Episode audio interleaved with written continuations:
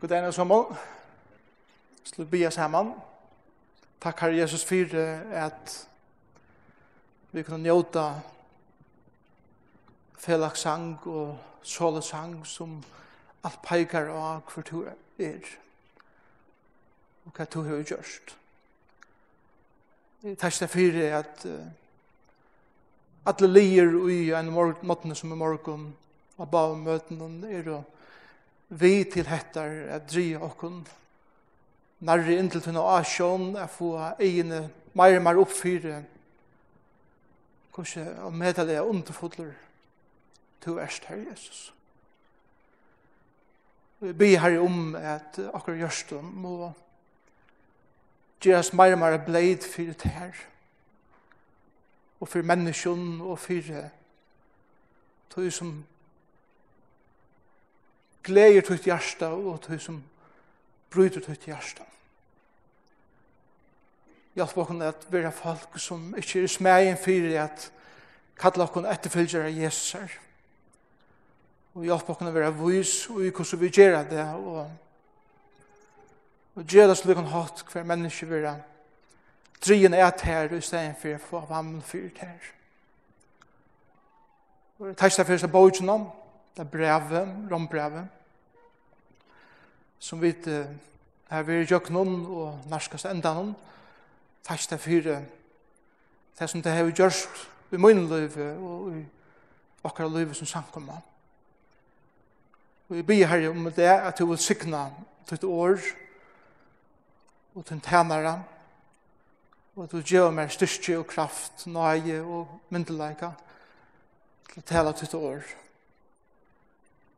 Må det være et hus som åpner akkurat sinne, sinne, gjørste, henter. Jeg vil gjøre råsen, så ikke best høyre er tess. Takk til fyrir kvann og en som er inne her i morgen, og takk til fyrir at ungen er her, at tilvilt, men du hever lett og drye. Så jeg drar et eller annet morgen som gjør at akkurat hjertet er brøyt prysu er av hvert ditt navn. Elskar Jesus. Amen. Vi var 2000 var jeg i Amsterdam og en rastevne som Billy Graham skiva i fyren. Jeg halde det var første fyr jeg velja fikk egene eh, opp fyre tøttningene av samkommene. Ikke bare av en teoretisk hatt, men av en hatt som, som gjør det til at det var skjønnligt. 15.000 pastorer, teologer, troboere var samlet sammen. Fra 220 imenske London.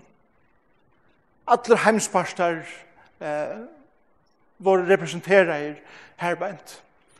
Norr-europearer, sur-europearer, Asien og, og, og, og Fjærester, Afrika, Sur-Amerika, eh, Nord-Amerika, alle var vi av disse stevnene i Amsterdam.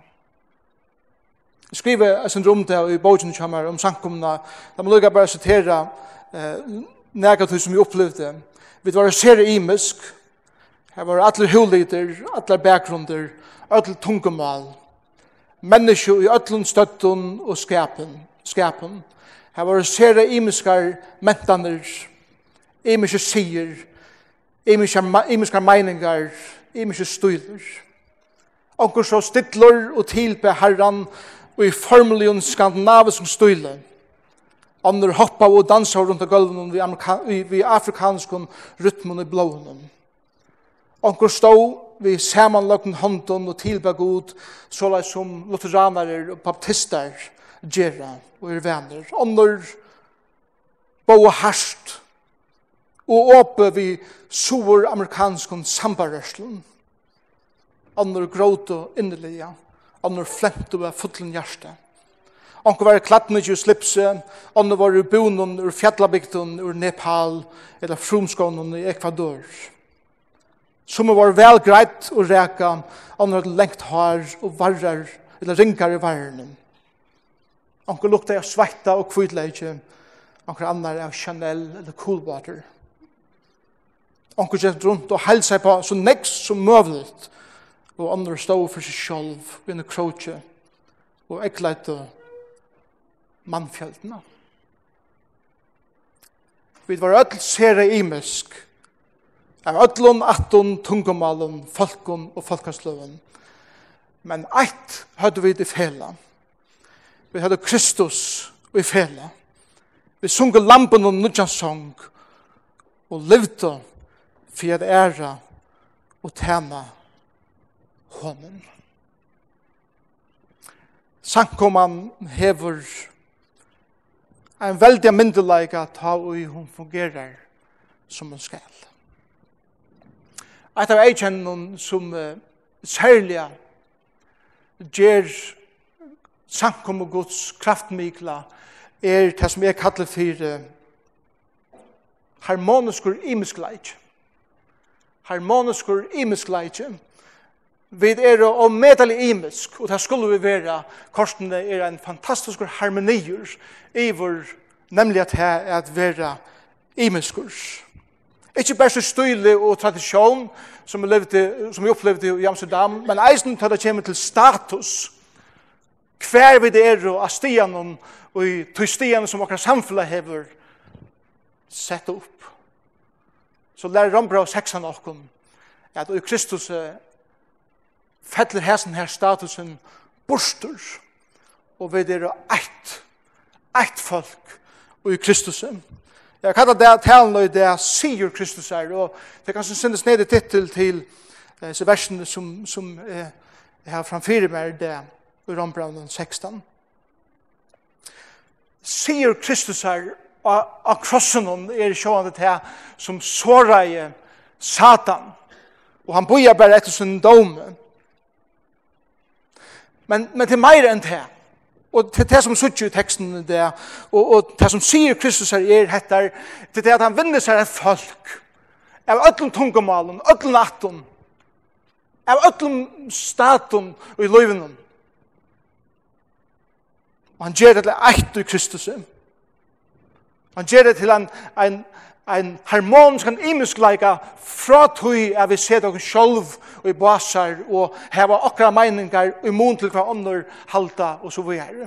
Og han bryter her murene nyur Og ui hesum er vi standa sama som eit folk. Liga mykje kvar vi der. Vere satan mynter av at han er såravur. Så han elskar at skapa split. Han elskar å skilja folk. Han elskar å skapa ofri. Og ta folk sida saman. Vi ene hjertan og ene hova. Er Kristus er middelen. Så vil han mynter og sjått om vi ikke ganger rundt og hukse om han. Det skulle vi det heller ikke gjøre. Satan. Så vil han mynter og at hans ende er nær. Satan og Kristus er sikra. Rombrau 16 er en sånn kapittel som man hokser, ah, at her kan man lese kjøtt og kjøkken, fotler nøvnen bare. Men det er neimann så. Det er en grunn for at nøvn er her.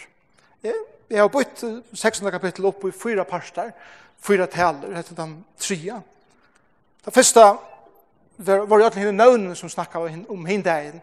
Da vi tås om tøtningen av nøvnen og iverskriften for det vil jeg give. Ikke glem at hei som har vært her til sikning. Ikke glem at hei som har vært her til sikning. Paulus har hittat disse folkene, og nå helser han dem om nå det er færre vi er, men det hittes ena før. Og han glemmer det ikke. Ikke glem at hei som har vært her til sikning, ångestander, alene. Alene. Og så igjen tåsa vi om tøtningen av at, at verja til heilen om lærerne i samkommunene. Og verja kun for skismatikeren og skandalisten som vi kallar det. Og halda kun til lærerne som Kristus gav lærersvennen.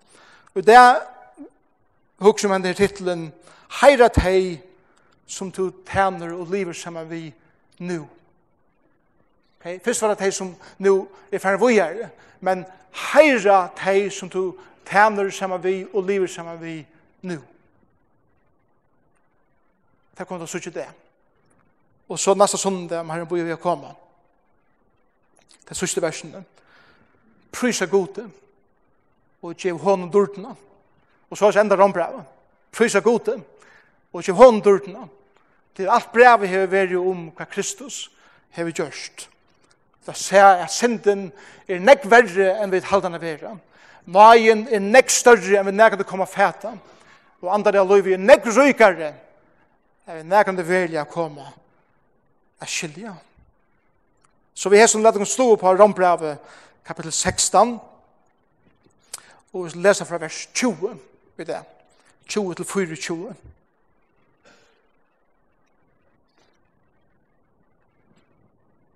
Rombrau 16, vers 20. Og god friaren skal kjøtt såra Satan under foton tikkara. Nei, Herre okkar Jesus Krist, veri vi tikkum. Timotheus, som arbeider saman vi mer, letter helsa tikkum. Somalais, Lucius, Jason, Sosipater, Skilmen, Møyner. Jeg, Tertius, som har skrivet brevet nyer, helsetykken i Herren. Gaius, som læner mer, når det er Paulus, og alle er samkommen i hus, leder helsetykken. Erastus, råkneskaper stjåre i byen, og broren Kvarstus, leder helsetykken. Nei, Herre okkara Jesu Krist, veri vi tykken ötlund. Amen. At det Herren sykna sutt år.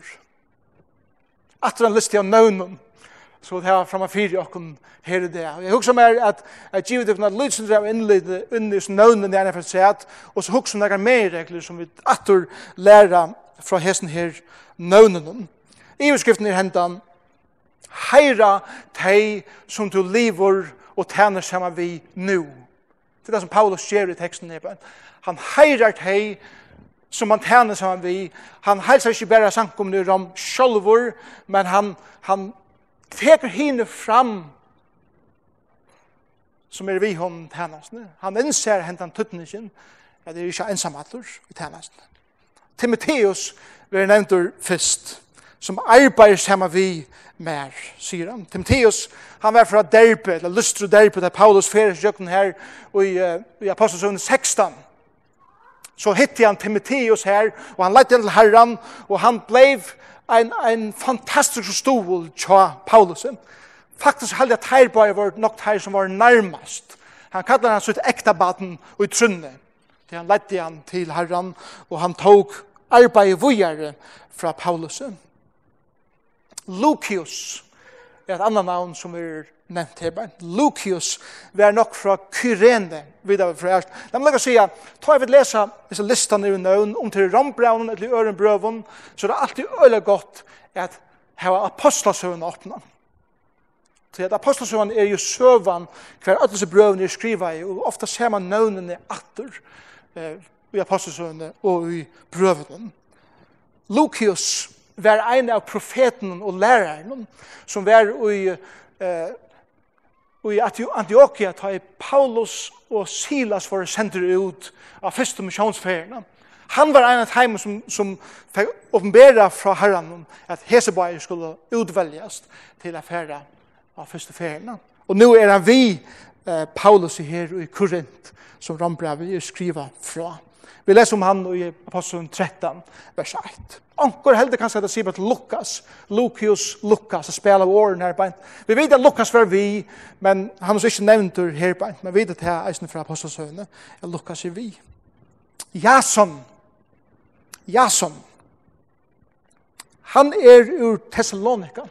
Vi leser om Jason i kapitel 16 i apostelsøvne, vers 5-9, at tar løtt og, eller, henne mannamikvann fra eh, Thessalonika, de, de lødde av huset til Jason, for å få fætre Paulus og gjøre av igjen.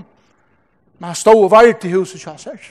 er Jason, nå er vi Paulus, her Sore, og i Korint. Så sier Pater, så sier Pater, var ur berøa. Og han kom eisen til trygg for Paulus da han var her. Ta leser om i Apostelsøvende 24. Så alle disse nøvnene er nevnt atter. Men så er det hesen som er hoa kommer til særlig, og til vers 22.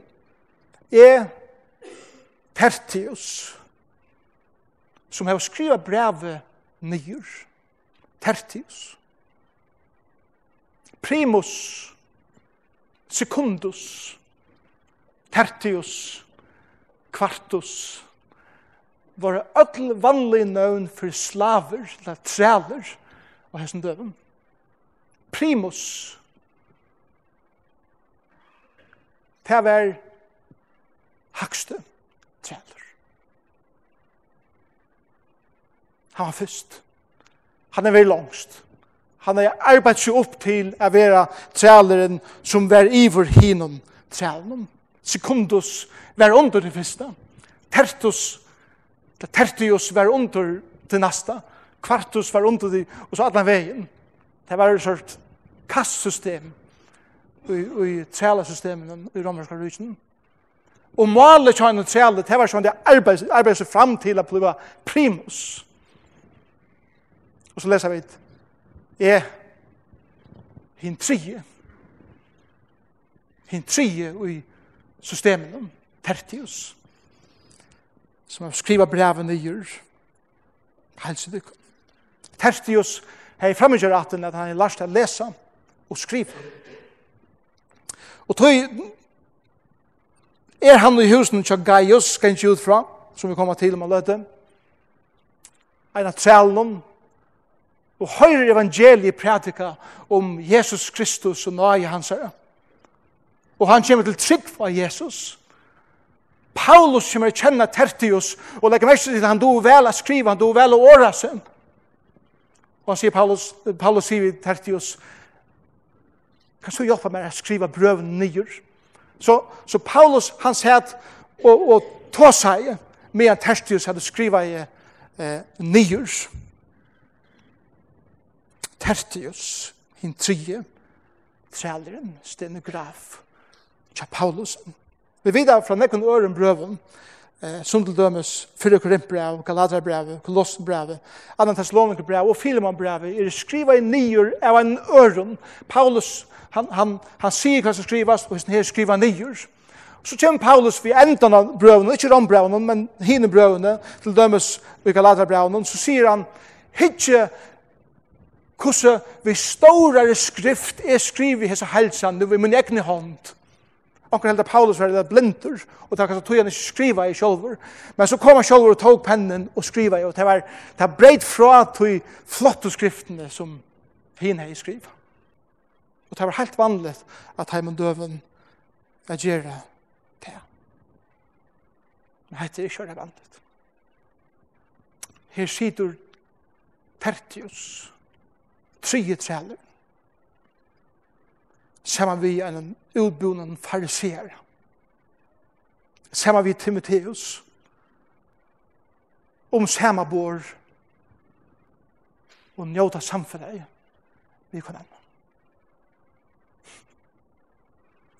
Vi, vi skiljer ikke ordentlig hattar ut det. Men hattar var åhørst av hessen døven er en trælur trio i røyene skulle kunne si det vi, vi samme bor som er så falskene. Murar ved nye brottner. Så kommer jeg til at det er hva han sier, er terstius som har skrivet brevet nye helsetikken i herren. For det er som Paulus sier, Timotheus, lette helsetikken, Lucius Jason, Sosipater, han leser helsa til Gnøtlund, og så er det akkurat som, jeg synes, fire mer terskjus sier, Paulus, kan jeg slippe helsa? Sankum nere om? Paulus sier, sjolvane kan du ta. Jeg, hin trije og i røyen i atrælum testius. Det visste jeg alt. Som jeg har skrivet brevet nyer, Jeg har en tjenest. Helse til kunne herren. Tertius, sin tredje træle, var kommet til trygg, og herre Jesus Kristus, og han sier at han ser status som Paulus og alle hinner. Og han følte det. At det var ikke mannamoner gjørter av hånden. Kanskje det var en måte. Et eller annet var det kan måle så leis. Timotheus, Lucius, Jason, Sosipater, helse til kunne Tertius, leder du til kun nei, nei, ikke skriva det her. Vi tror ikke på skriva det her sjálfur. Jo, jo, er Tertius. Helsa tikkum. Vers 23, Gaius. Gaius var en velhavande handelsmæver og trela eiere fra Korint. Gaius var en av de fave som Paulus hei døpt. Vi leser om det her i 4. Korintbrevet, et fyrstan. Gaius, han hei at framgjør at han Paulus er døpt med. Paulus døpte han nesten ångan. Jeg vet ikke hva men han hei kurser døpt Gaius og ångan annan eisne. En trela eier, møvelig var, var Tertius, en trela tja Gaius. Og han, han var en mævor som, som heier ressursen der. Og han var med som, som uh, syrde fyrir at Paulus tar han vær i Korint hei er sted av byggva. Vi vet eisne han bor tja Preskille og Akvilla, det vet eisen, men hette heimus av eisne opp fyrir honom, og eisne som vi leser i teksten her bænt, at, at uh, uh, han husti samkommende og i Korint. Vi, vi, sted, vi mangler sted er samlast. Veit nægar nægar sted hva vi vi, vi kunne leie et eller annet, og Geir sier, jeg, jeg eier det, til slik som samlast. Kjem er, og Paulus forresten, hei du nægar sted, jeg så at det er stykker rint. Ja, det har vi eisen, men du skal bare vite at det er et mot heim er eisen åpe fyrt her. Så er det at det er gavemildene, det er åpenleikan fyrir at vilja offra seg, fyrir at Guds folk kan komme saman til eikjen henne ryka mannen, tjala eieren, Gaius, som er kommet til trygg for Jesus Kristus og i Korint. Og han sa løyvebrøyt. Erastus, leser vi det eisen om, Erastus, Rokne skabar stjóri i bynum, så han sæt i byranum, og han var leier av fudjareldene, og i byranum og i Korint. Atter sikra en velhavende mæver, høver i status. Men det som er så særligt, det er det som kommer beint at han nå. Kvartus, broren, leder helsa, dykkum. Hvor var kvartus? Han var en fjore træleren i kassystemet. Så kjenner det bare fire dekker som hvis mennesker sitter noen. Her sitter en, en utbyggven farsier, Paulus. Onker heldre at og i hans støy av utbyggven her kanskje med til tver og trutjar doktor krater. Vel utbyggven. Gaius er sin rujtje maveren vi nekvun oknum. Erastus er sin maveren som hever politisk vald Timotheus, Lucius, Jason. Og så sier det tvær ærer her blant. Tertius og Kvartus. Sama vi hinum, Og her, her er store moner tar det kommer til roller, men her er ønske moner av mannen. Her er ønske moner av mannen. Ta sida alle til bors og eta er samme båre og samme breie. Til der finner en felagsnevnare, og han eiter Jesus Kristus. Broren Kvarstus, Hoks daga Paulus kallar han broren i herran, Kvarstus. Hva halva dit folk i Korint snakka om? Hva halva dit hørst om heimet av Gaius? at her sida bæge trælene i husen og öll hinne til bors vi samme bors at det er fullkomlig og møvlet i romerske rysen vi føler ikke ordentlig impact av det du i det men, men det hever en utrolig myndelæg det som vi leser i teksten her at det hele tiden kunne sitte sammen vi samme bors og njóta samfunnet vi kom annan. Til en trælur heie, ikkje er for rett. Han var roknaver som holdt menneske og holdt dyr, og han skulle bruka så leis. Han er ønska sia Og nå vil jeg hese bajer, lytter opp av det støye som god opprunale hei skapt her. Atter. Og da sier det her til bors saman. Hva er det som gjør det? Vers 24. Nøye Herre, okkara Jesu Krist, vere vi tikknøtt. Det er bare nøye som kan gjøre det her, kære brøver og søstre. Det er ikke annet i løyven som bryter hese murene nyer enn nøye Kristus her. Ikke annet. Og tog har vi noen mer regler som i halde i området fra sin teksten om. Det første henda, vi må ikke glemme at komme atur til krossen, til at det er her Jesus sikreie. Det er her sieren vær vunnen. Satan har tapt. Han sier det i vers 20, og god friere skal kjøtt såra Satan under foten tikkere. Og han var mynter av det atter og atter at han har tapt.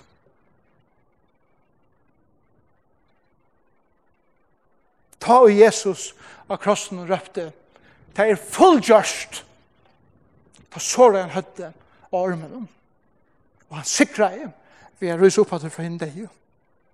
Det er det første. Vi må ikke glemme å komme alltid til krossen, og være mynt da, at Jesus Kristus er sikra, og tog er vidt sikrant. Det neste heter, det er vi a liva løyve og i frie gods, og undergiven herredømme Jesus er. At Satan vil mynte av at han er sunder sørover. Vers 20 sier, God friarens skal kjøtt såre Satan. Rombra 5, 1 sier, Rattforskjørt at sig heva tid tog nu fri vi god, vi har okkar Jesu Kristus og til frier frieren som vi skal stå inn i, som såra satan. Til ikke vi at genga skruganger.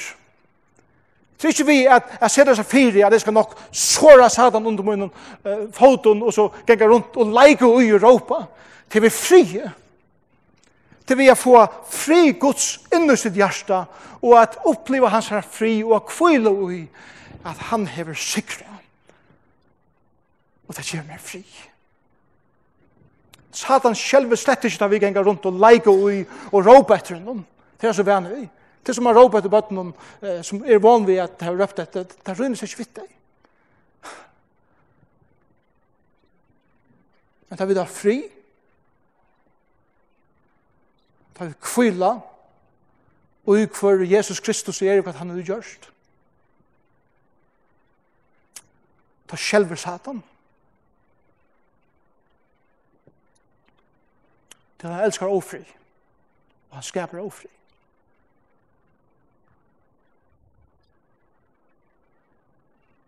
Og ta vit kalla Herre Jesus og hans felags herra, for han vit leia opp til og ongan annan. Og vi gjør okkur ikke herre sjolv. Og vi er saman.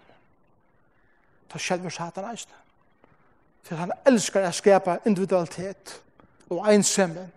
Jeg vil følge noen einsam og at vi skulle bestemma i okra egna løyve. Og vi skulle roa til det som han vil få okken halda, men tar vi bodja okken under herredømme Kristus her saman, ta sjelver Satan.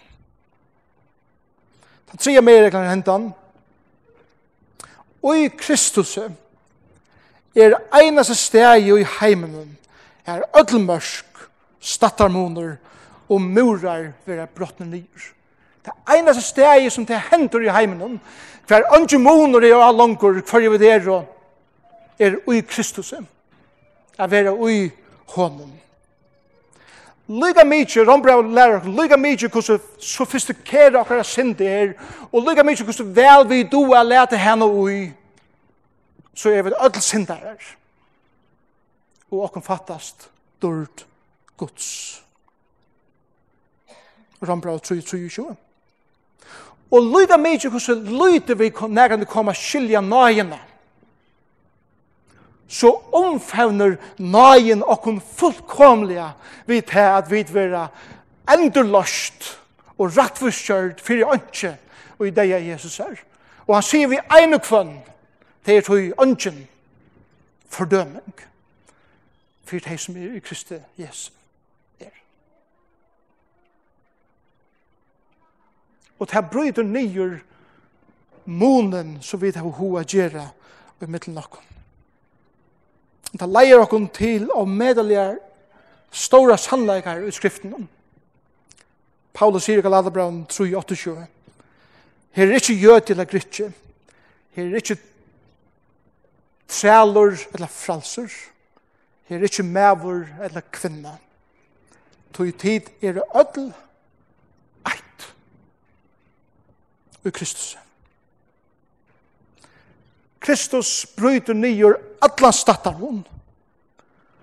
Og han ger allt som er i Kristus til eitt fyrir asjon synen. Vi da hoa bøyda kna opp i balkar og anker heldur, jeg ma, ma damen bedre halda meg til til ryko til at de er mer, mer sofistikere. Anker sier, vel, kjøy, du ryko gjerra, jeg vil heldur være i arbeiderklassan og, og her følger jeg meg vel. Onkur annar sier, jeg vil halda meg til akademikarner, til at det gjør meg nekka. Og onkur annar sier, jeg vil ikke ha vi tar a gjera. Jeg vil halda meg til de som halda fast vid tradisjonene og meiningarna og ikke hinne tradisjonsleisu. Jeg halda meg til hinne store som har status. Ja, jeg beveger meg men heldig meg til hinne som er eimjuk, hulid, hulid, lukter. Og alle hans tingene er ting som vi beveger oss i, og alle tingene har ho å sette oss i samband med. Og Kristus sier, konsteren og gjerne sankomme, og i Kristus er a bråd at han nyr.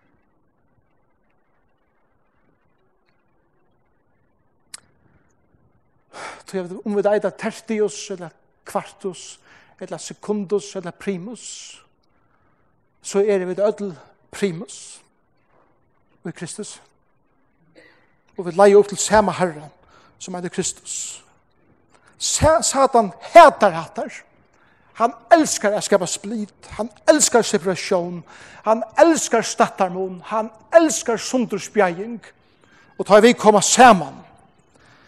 Och i en harmonisk och imisk lika. så er en veldig, veldig sier vunnen ved Kristus. Som i endte,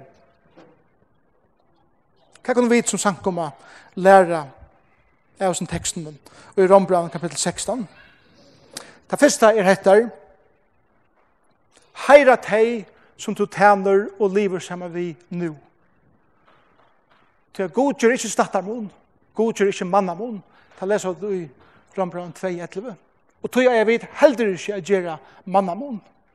Ta sier Jakob vi okkon i kapittel 2, vers 1.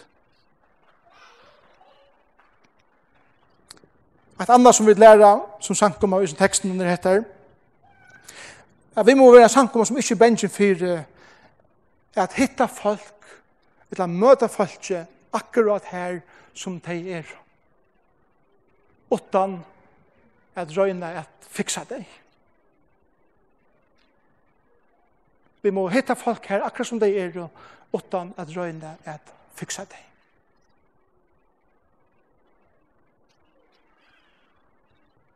Nummer 3. Det som vi eier gjøre, vi kvann annan, er å hjelpe menneskene å finne sin fotla tørv og sin fotla glede i Kristus. Vi får ha forbund her om man løter, vi tar til reglige. Folk kommer og møter her, vi har til mål og forvantning folk kommer i sankumna, i vågnene om, at de kommer i løtene, så får det at, så får det være løst fra tog, eller så får det slippe av i tar trobeleggene, og så kommer det her, og så får det sted størst skuffeie, det er så er verdig ikke. Sankumman er ikke sted hver folk vil fikse i. Løvden er ikke sted hver du skal komme og halda, at alle tøyne trobeleggene vil fikse i. Løvden skal være sted, hver vit ødel få egnet og fyrir at akkurat største tørvor er Jesus Kristus, og akkurat største langslu løvden er at livet sammen vi honom, lyga mykje om er fiksa vår, eller ikke. Til akkurat høves endamål. Mot Herren sikna sitt år. Herre, takk for det. Jeg vet, ta i vid hitja innut et år, og vi hitja etter kved hver anden er i sin år.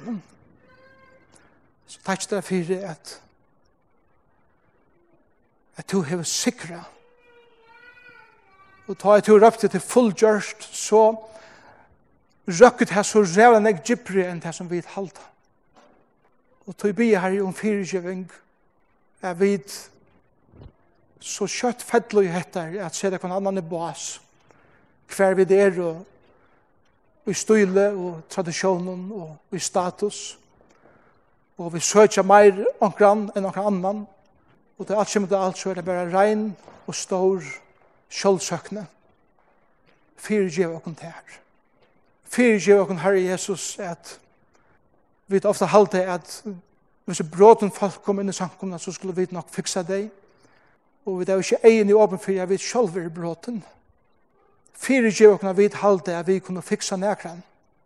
Ta det bare to som kanst. Fyre gjør åkne herre at vi så mengan sida fokus jo av så nekva andre ting heldre enn at få egen opp for at to erst okkara et og alt som vi har bruk for i liv. Jeg vil finne okkara glede og nøgt sem i ut her. Jeg vil finne okkara fri ut her. Jeg vil bøtje akkurat knø for tunne herredøm i akkurat livet. Og lyga mykje hver omstøver akkurat er i livet, om vi er sjuk eller frusk, tunga birer eller ikkje, ryg eller fatøk, gommel som eldre, at to erst akkurat størsta glede, og to erst han som er akkurat størsta troan i løyven, Herre Jesus. Herre, hjelp okna vi en sankan som er djørv og i avgjøren, djørv i løyven, djørv og jeg viser for vi veri er som mennesker, bråten og hava bruk for det enn frelsere. Jeg ber herre om at om anker er her det som mennesker kjenner til som sin frelsere, at du vil teska i henne og øyre, eller hans og øyre det, at du er ikke kvartus, eller tertius, men du er et elskelet, elskelet menneske, som Jesus er deg for. Herre Jesus, nevn vi med sjølvan, nevn vi okkur som sankumma. Nevn så oss vi okkur at vi heira kvann annan nu som vi tjener saman og liva saman. Takk for at du er sikra, sier en rui hesson at du gjør fri og du skaper harmoni og jakkar imeskleika. Måtte vi tidsi konsekvensen av tog inn i akkurat daglig som einsaklingar, som familier, som sankoma. Og i Jesus' navn. Amen.